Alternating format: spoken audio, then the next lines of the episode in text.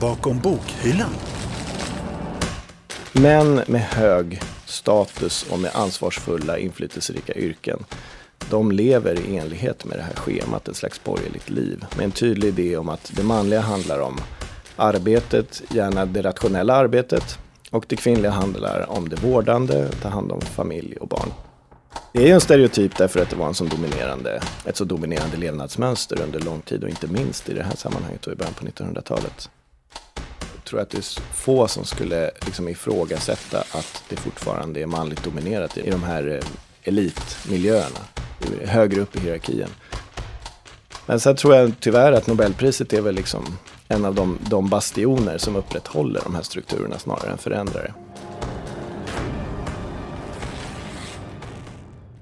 Nu ska vi ha ett tillbehör till eh, ankan och då tycker jag att vi behöver bryta av liksom den här feta och angsmaken med någonting eh, syrligt och fräscht.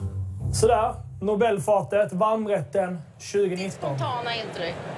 Eh, mitt spontana intryck är jag är helt fascinerad för att jag tycker att i år har alla verkligen jobbat med en silhuett som är stark och stor. Alltså man vill säga någonting. Your Majesties, Your Royal Highnesses, esteemed Nobel laureates, ladies and gentlemen, once again, very welcome to, the, to today's Nobel Prize Award ceremony.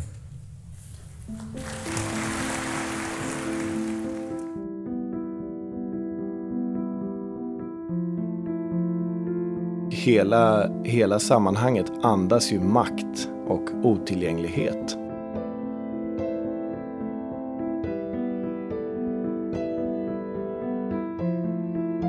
Alltså jag tror att de flesta som tittar på Nobelprisceremonin tänker att det där är inte ett ställe för mig. och det kan ju vara lite olyckligt kanske. Men jag tycker det finns alla anledning att fundera på vilken typ av beskrivning som, av vetenskapen som görs när man tittar på liksom Nobelfestligheterna. Jag skulle inte säga att det presenterar ett lättillgängligt sammanhang. Det skulle jag inte göra. Jag tror de flesta känner sig lite skrämda. Det här är Staffan Bergvik, docent i idé och lärdomshistoria vid Stockholms universitet. Han har bland annat forskat om genusstrukturer inom naturvetenskapen under första halvan av 1900-talet. Och mer specifikt om nobelpristagaren Svante Arrhenius som är en av de män som belönats med Nobelpriset när de varit verksamma vid Stockholms universitet. Och att just Arrhenius har en stark koppling till SU råder ingen tvekan om. Här på Frescati finns till exempel Arrhenius-laboratorierna och Svante Arrhenius väg som är uppkallad efter honom. Men också de ståtliga byggnaderna som uppfördes 1909 och som då inhyste Svante Arrhenius Nobelinstitut för fysikalisk kemi och även hans privata hem ligger här precis vid tunnelbaneuppgången. Idag bestående av en thai-restaurang och Stockholms centrum för forskning om offentlig sektor. Vi ska återkomma till dagens Nobelpris och Nobelpristagare. Men det här programmet kommer att ta avstamp i sekelskiftet mellan 1800 och 1900-talet och det vetenskapliga klimat som rådde under den här tiden. Svante Arrhenius liv, där privatlivet med en borgerlig hemmafru och barn var tätt sammanflätat med det offentliga livet som en av tidens mäktigaste vetenskapsmän, kanske kan ge några svar på den fortsatt manliga dominansen både inom naturvetenskaperna och inom Nobelpriset. Vad kan vi dra för lärdomar av allt det här idag? Vad lever kvar och vad är förändrat? Men vi börjar som sagt vid det förra seklets början i ett med dagens mått mätt väldigt småskaligt akademiskt Sverige. Jag menar idag har vi många fler universitet, fler platser där vetenskap utförs. Det här var ju i Sverige var det Uppsala, Lund eh, och Stockholms högskola från sekelskiftet 1900 ungefär vetenskapliga institutioner som var liksom framgångsrika bestod av väldigt få människor. Det var ju två fast anställda till exempel i fysiska institutionen i Uppsala. På Uppsala universitet hade en eller två professorer, en eller två laboratorer. Och så var det studenter, men det var liksom väldigt små miljöer jämfört med idag. Och sen så var det naturligtvis en extremt manligt dominerad miljö som det inte är idag, på samma sätt i alla fall. Så få om män och stor makt till vissa enskilda individer.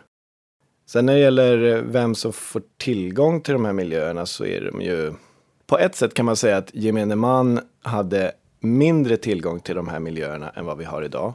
Alltså, det är ju exceptionellt många människor runt 1900 som inte får tillgång till liksom vetenskaplig verksamhet. Som inte får läsa om det i skolan och sådär. Så om man går folkskola så, så kanske man får en grundläggande utbildning, men, men inte så mycket mer. Så på det sättet är de ju mer isolerade kanske, än idag. Men å andra sidan så är de också mer, på ett annat sätt är de mer öppna så tillvida att de här stora bataljerna som fanns i den här vetenskapliga miljön. För det var det verkligen enskilda professorer som bråkade med varandra på ett sätt som de absolut inte gör idag.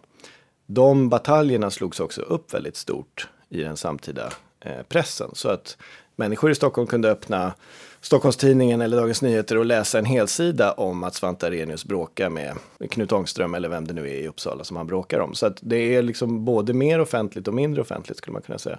Men det beror ju på att hela Sverige är mycket mer eh, småskaligt vid den här tiden än vad det är idag.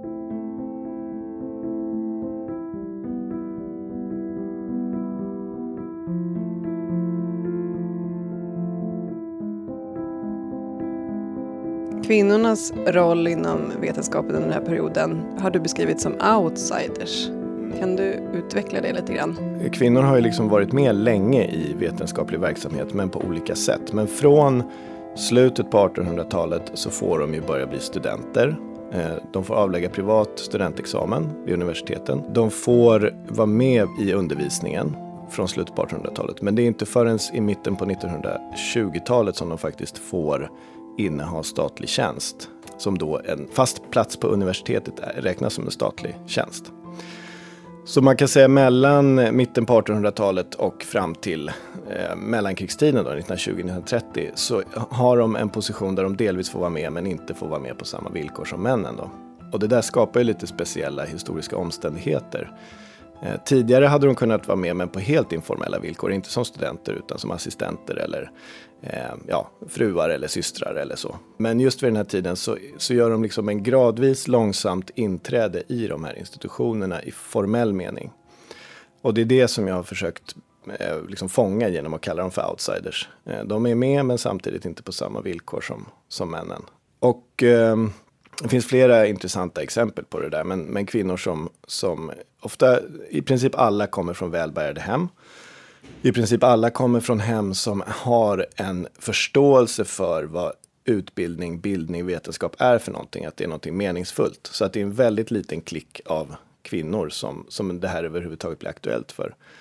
Men de, ehm, de sitter alltså med, det här fåtalet kvinnor sitter med på föreläsningar. Eh, de kan fortsätta sina studier, de kan vara gå forskarutbildning då, eller eh, doktorand som det heter idag, och disputera, eh, ta sin doktorsgrad i naturvetenskaperna. Och sen efter det så slår då systemet till så att de inte kan söka någon fast tjänst, något yrke på universitetet. Det betyder att de hamnar i en, en position där de måste på något sätt välja väg då.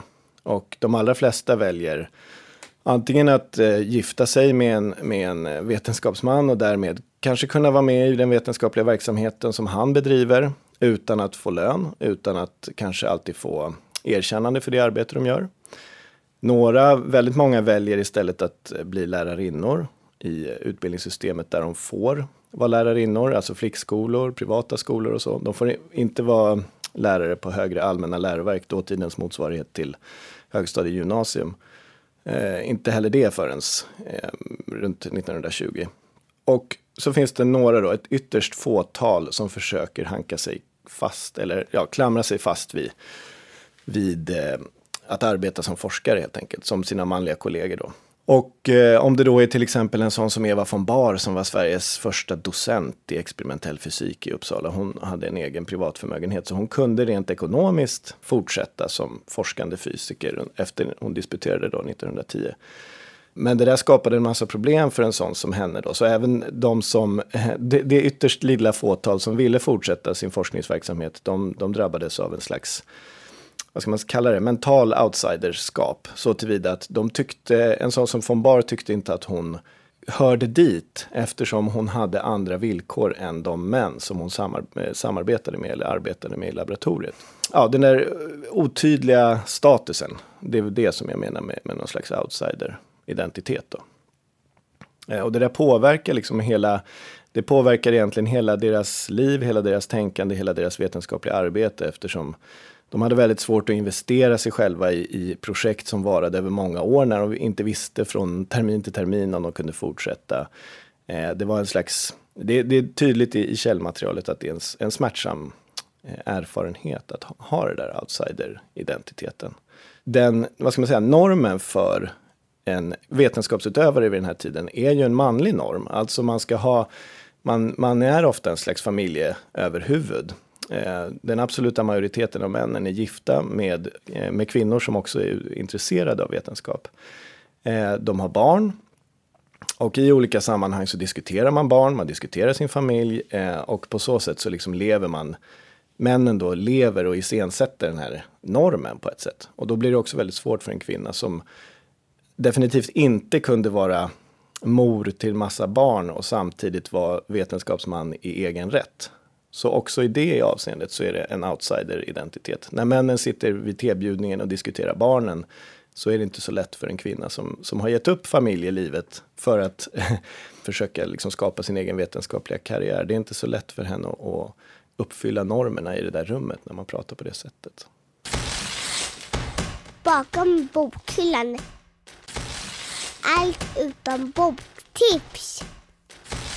Om vi går in lite grann på Svante Arrhenius då, då. Vem var denna vetenskapsman? Han fick ju som första svensk Nobelpriset i kemi 1903. Men hur såg hans eh, vetenskapliga liv och, och, andra liv för den delen ut innan dess? Och hur såg det ut efteråt? Han var ursprungligen från Uppsala och utbildade sig i Uppsala. Men han, han eh, la fram en avhandling som blev omdebatterad bland svenska fysiker. Eh, eftersom de ansåg att den var för teoretiskt högtflygande. Han drog för stora slutsatser av ett svagt eh, experimentellt underlag kan man säga. Och samtidigt så protesterade Arrhenius då mot de svenska fysikernas småskurenhet och deras eh, besatthet vid instrument och experiment utan att liksom göra stora eh, teoretiska utsagor.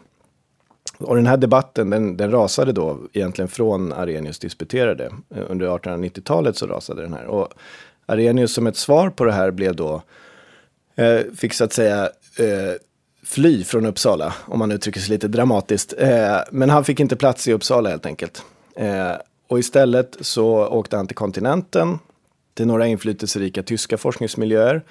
Och där under 1890-talet tillsammans med några tyskar så börjar han då bygga upp ett slags nytt kunskapsfält vid den här tiden som, som brukar kallas för fysikalisk kemi som är precis i gränslandet mellan fysik och kemi kan man säga.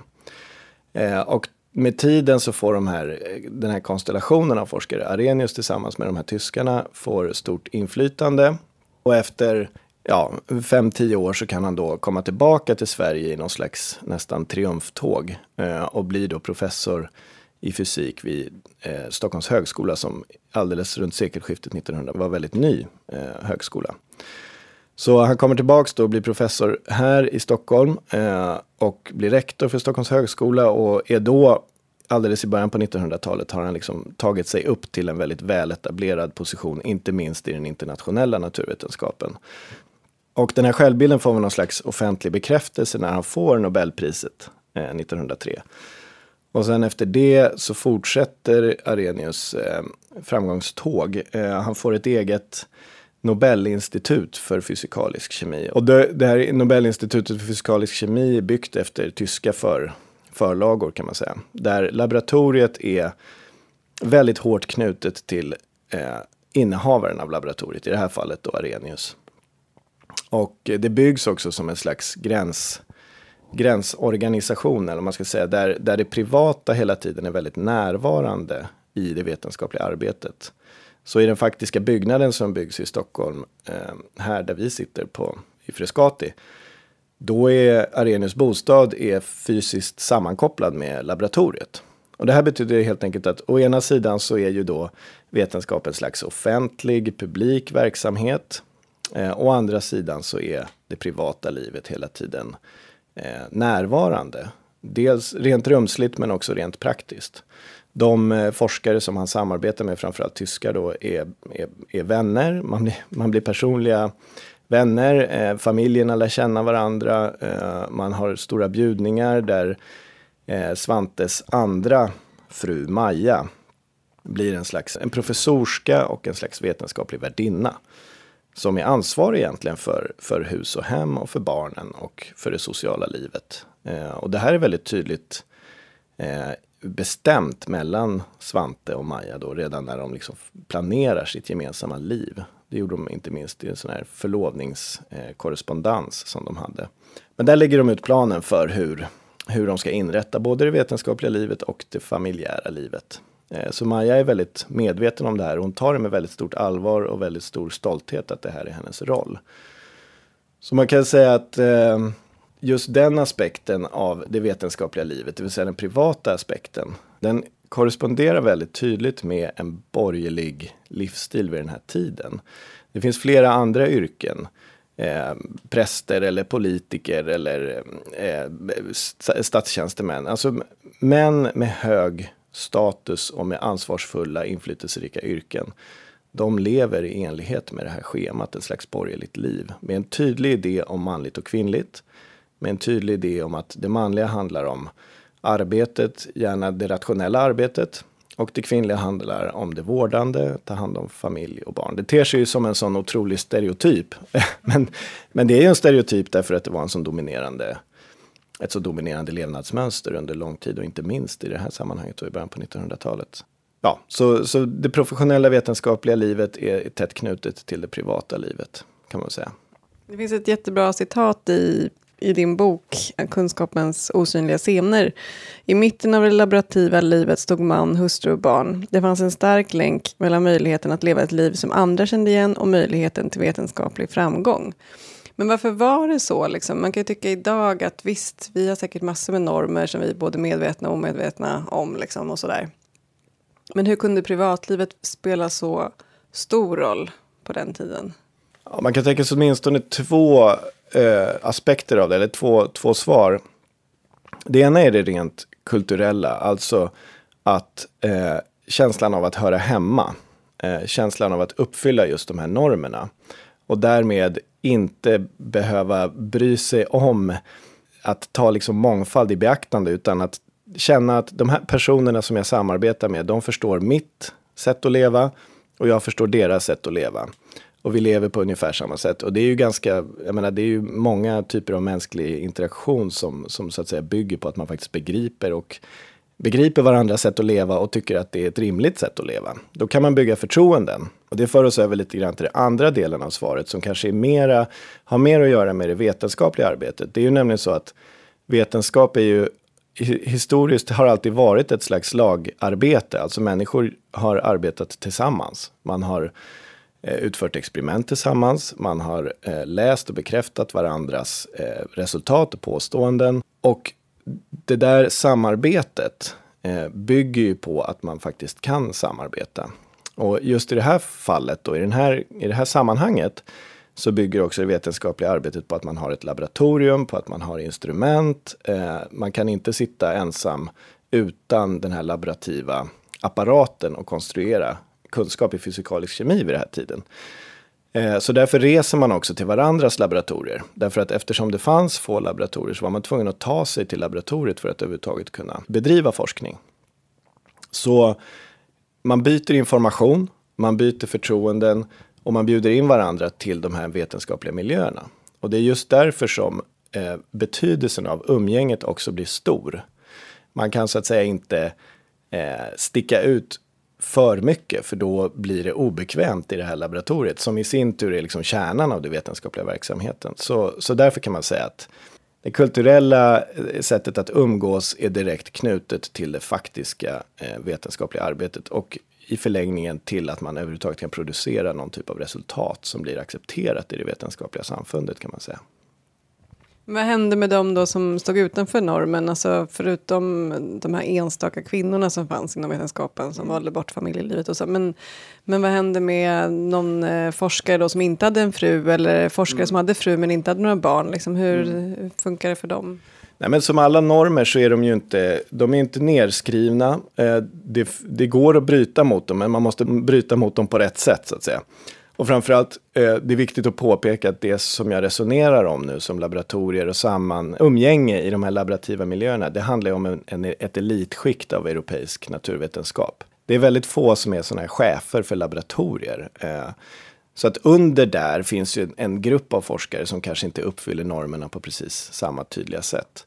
Men också bland, de här, eh, bland den här eliten så finns det ju människor som som bryter mot normerna men som har så pass stort förtroende. Det kan bero på att de har eh, producerat resultat som alla accepterar, att de är inflytelserika och då, då är det också möjligt att vara normbrytare eh, på ett annat sätt än om man inte har den där statusen i det här sammanhanget. Man kan till exempel tänka på eh, Fritz Haber som faktiskt hade jag tror till och med tre fruar under sitt liv. Det vill säga han skilde sig och Svante Arrhenius skilde sig också från sin första fru.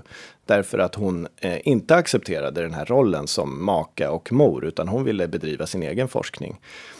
Så sådana som både Fritz Haber och, och Svante Arrhenius kan så att säga bryta mot de här normerna men ändå nå acceptans. Så att precis som alla normer så går de att bryta mot bara det är rätt person som bryter mot dem och att man bryter mot dem på rätt sätt. Sen finns det andra exempel på Eh, men i det här sammanhanget som aldrig får några barn och då är det en, en personlig tragedi och då kanske man inte blir så att säga utfryst för att man inte lyckas få några barn. Det kan handla om att ja, det kan handla om medicinska problem eller att någon av mannen eller kvinnan hade sjukdomar eller så. Det accepteras ju såklart. Men det, jag tror att det viktigaste är att det stora mönstret, att man, att man vill så att säga leva det här borgerliga livet, eh, är det viktigaste. Och sen så är det viktigt att påpeka också att de som var riktiga normbrytare, det vill säga om någon hade varit homosexuell eller så, det är ju ingenting man skyltar med.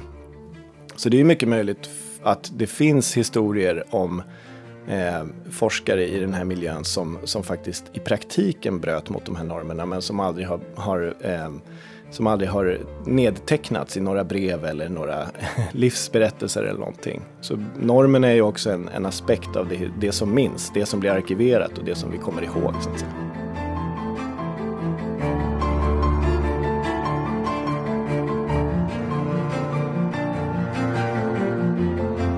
Allt det här som vi har pratat om, vad, eh, vad lever kvar idag? Och vad har liksom förändrats helt och hållet? Eller förändrats lite grann i alla fall?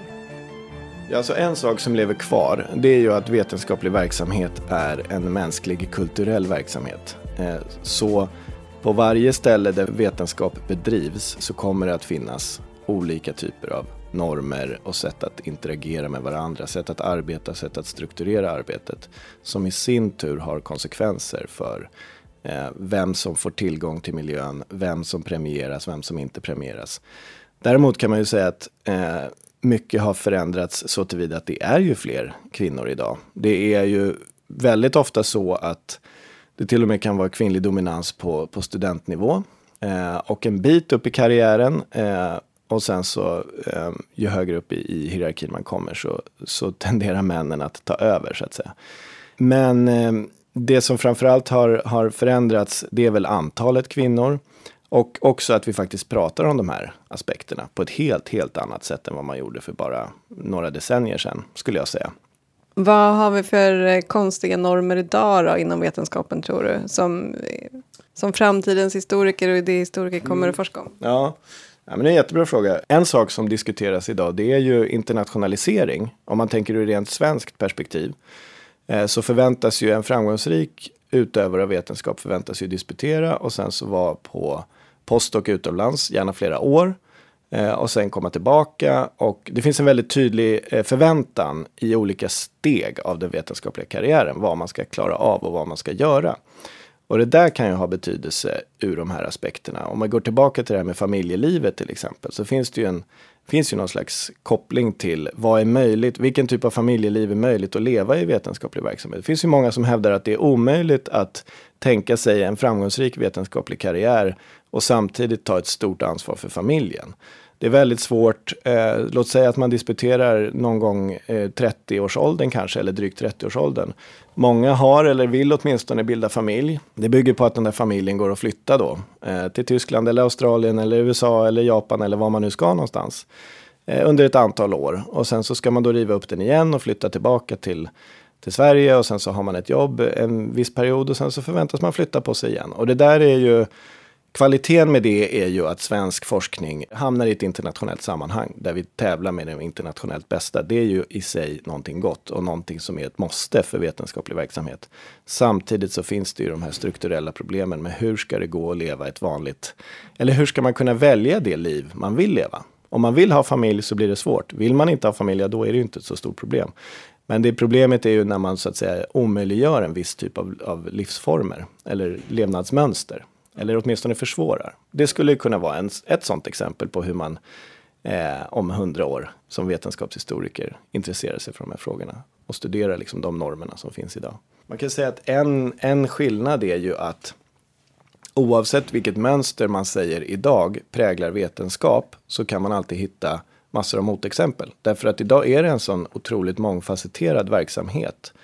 Eh, det finns stora skillnader inom olika discipliner, olika ämnesområden. Man diskuterar frågor om eh, ja, eh, eller, eller genusfrågor diskuteras på olika sätt i olika vetenskapliga områden.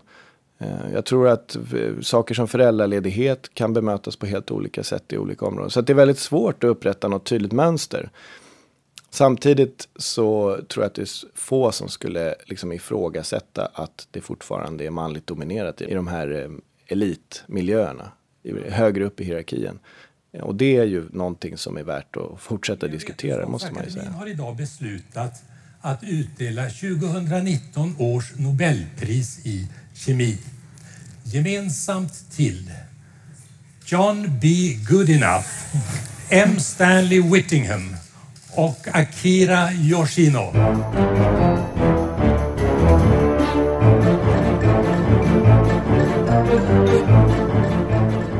Nobelpriset i fysiologi eller medicin år 2019 skall delas lika mellan William Kaelin, Sir Peter Ratcliffe och Greg Semenza.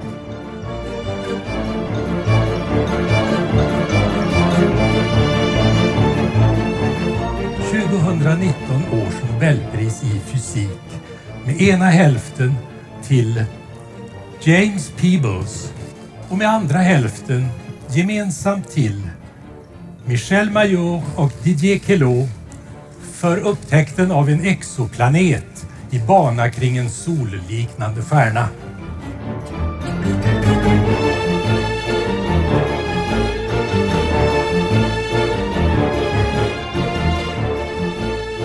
Nobelpriset har ju fått kritik genom alla år egentligen för sin manliga dominans. Hur kan vi då liksom förstå den här manliga dominansen genom att titta på till exempel Arrhenius liv och hans livsstil? Ja, jag tycker det där är en svår fråga, men man skulle ju kunna säga att Nobelpriset i sig är, är någonting som spär på eh, den manliga dominansen. Eh, eftersom att få ett Nobelpris är ju liksom den ultimata eh, tecknet på, på trovärdighet och eh, status i det här sammanhanget. Eh, det är ju en aspekt, att priset i sig genererar en slags manlig hierarkisk eh, elitkultur. En annan aspekt är ju naturligtvis det som jag var inne på förut, att för att överhuvudtaget komma i fråga för ett Nobelpris så måste man ju ha nått en viss nivå. Man måste ha varit kvar i de här vetenskapliga miljöerna under lång tid. Och om man då belyser de här vetenskapliga miljöerna med frågor om kön och makt och olika typer av relationer där inflytande och makt och hierarkier skapas, ja då tror jag att man kan avtäcka liksom strukturer som gör att vissa faktiskt är möjliga att ha möjlighet att bli Nobelpristagare. Men jag tycker det är lite viktigt att fundera på hur priset i sig är en del av en historia där vetenskapen har väldigt många olika sätt att peka ut och hylla vissa och andra hela tiden hamnar i skuggan. Eh, så att Nobelpriserna är liksom inte bara en avspegling av någonting annat, utan Nobelpriserna är också en del av en premierandets kultur som eh, där det finns hundratals olika sätt att, att premiera varandra och premiera vissa typer av, av människor och kanske andra inte. Det är en lång och intressant och rik historia i alla fall. Håller det på att förändras lite grann? Sakta men säkert. Ja, det där är ju svårt. Alltså, För det har inte bara varit en kritik mot den manliga dominansen bland pristagarna utan även liksom kommittéerna som Mm. utser pristagarna och sådär. Ja, just det. Kommittéerna i sig är ju en elitinstans skulle man kunna säga. Det är ju sannerligen inte vem som helst som får, som får vara med i, i de eh, sammanhangen. Alltså frågan om förändring är ju svår. Eh, man skulle kunna säga att absolut har det ju skett stora förändringar. Om man tittar tillbaka då, om man jämför Arrhenius situation eh, för drygt hundra år sedan med idag, så har det ju skett tydliga förändringar. Man kan beskriva det som en slags liberalt argument. Alltså om vi bara fortsätter på den inslagna vägen så kommer det, om än med viss eftersläpning, att med tiden så att säga lösa sig självt. Eh, om vi bara väntar 50 år till så kommer det vara Eh, så kommer den här frågan om varför det bara är män som får Nobelpris, den kommer att ha liksom försvunnit eller den kommer att ha lösts upp av sig själv. Men å andra sidan så skulle man ju kunna säga att om man tittar historiskt så finns det också hela tiden backlash-perioder.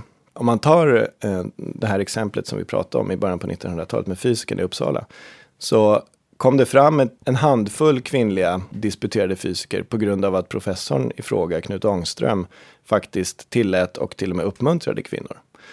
Eh, och det är en sån där eh, aspekt i, den här, i det här längre historiska schemat som jag ändå tycker är någonting som, som framträder. Att vid de tillfällen då man faktiskt aktivt gör insatser på det här området så ger det visst resultat. Och om man låter saker och ting bero, då tenderar de här sega kulturella strukturerna att reproducera sig själva. Och ser man också i en svensk kontext så kan man säga att jag tror inte att det är en slump att mängden, antalet kvinnor i vetenskap ökar just 60, 70, 80-talet eftersom det är då som de stora samhälleliga insatserna på det här området genomförs. Alltså dagisplatser och eh, lika, lika behandlingslagstiftning och så som, som liksom samhället agerar genom att försöka rätta till saker och ting ur den här ur könsaspekten. Så jag tycker att historien, det är svårt att säga att historien visar en, en det ena än det andra, men jag tycker att det finns en, en tendens att om man låter saker och ting bero så tenderar det att gå långsamt och kulturerna så att säga reproduceras själva. Gör man insatser eh, och diskuterar de här frågorna och en slags medveten, medvetet arbete, då tenderar det att förändra sig. Men sen tror jag tyvärr att Nobelpriset är väl liksom en av de, de bastioner som upprätthåller de här strukturerna snarare än förändrar det. Återigen kanske, jag vill inte vara för kritisk mot Nobelpriset, det har fina kvaliteter men det har också de här problemen. Men jag tycker det finns alla anledning att fundera på vilken typ av, eh, vilken typ av beskrivning som vet, som, av vetenskapen som görs när man tittar på liksom Nobelfestligheterna. Det kan man ju fundera på, alltså det är ju samma, det är ju samma frackbeklädnad som det var för hundra år sedan. Det är samma pompa och ståt. Eh, det är i princip samma lokal, även om det ursprungligen hölls på Musikaliska akademin och idag i Stadshuset. Men, men väldigt mycket av de centrala sätten att iscensätta vetenskap är, lever ju kvar när vi pratar om Nobelpriset. Och hela, hela sammanhanget andas ju makt och otillgänglighet. Alltså jag tror att de flesta som tittar på Nobelprisceremonin tänker att det där är inte ett ställe för mig.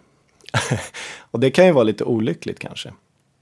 Samtidigt så kanske det också gör att vetenskap får en slags plats i, i offentligheten som, som den kan förtjäna och som, som kan vara bra. Jag skulle inte säga att det presenterar ett lättillgängligt sammanhang. Det skulle jag inte göra. Jag tror de flesta känner sig lite skrämda. Ja.